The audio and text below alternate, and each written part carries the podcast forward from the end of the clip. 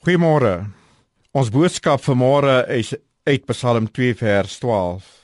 Kus die seën dat hy nie toornig word en julle op die weg vergaan nie, want gou kan sy toorn ontvlam. Welgeluksalig is almal wat by hom skuil.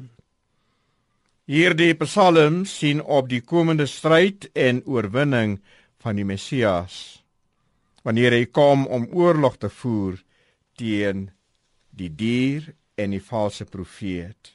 Tereg word Psalm 2 beskou as 'n messiaanse psalm.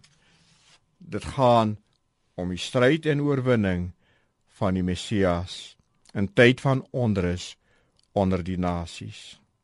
Die heidense nasies is besig om 'n komplot te smee teen die gesalfde en teen die Here.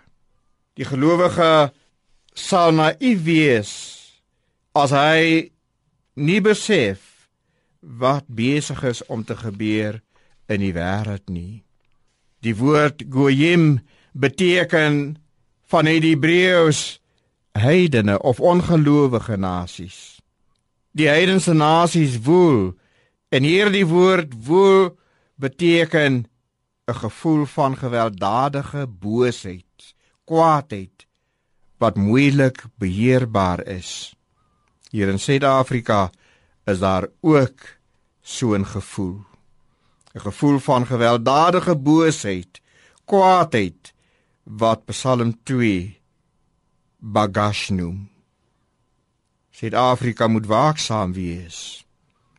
Hierdie boosheid wek kommer en vrees by gelowige Christene en ander gelowiges.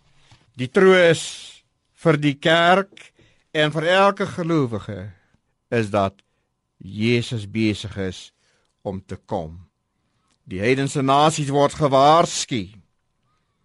Die uitdrukking kus die seën beteken soen die seën.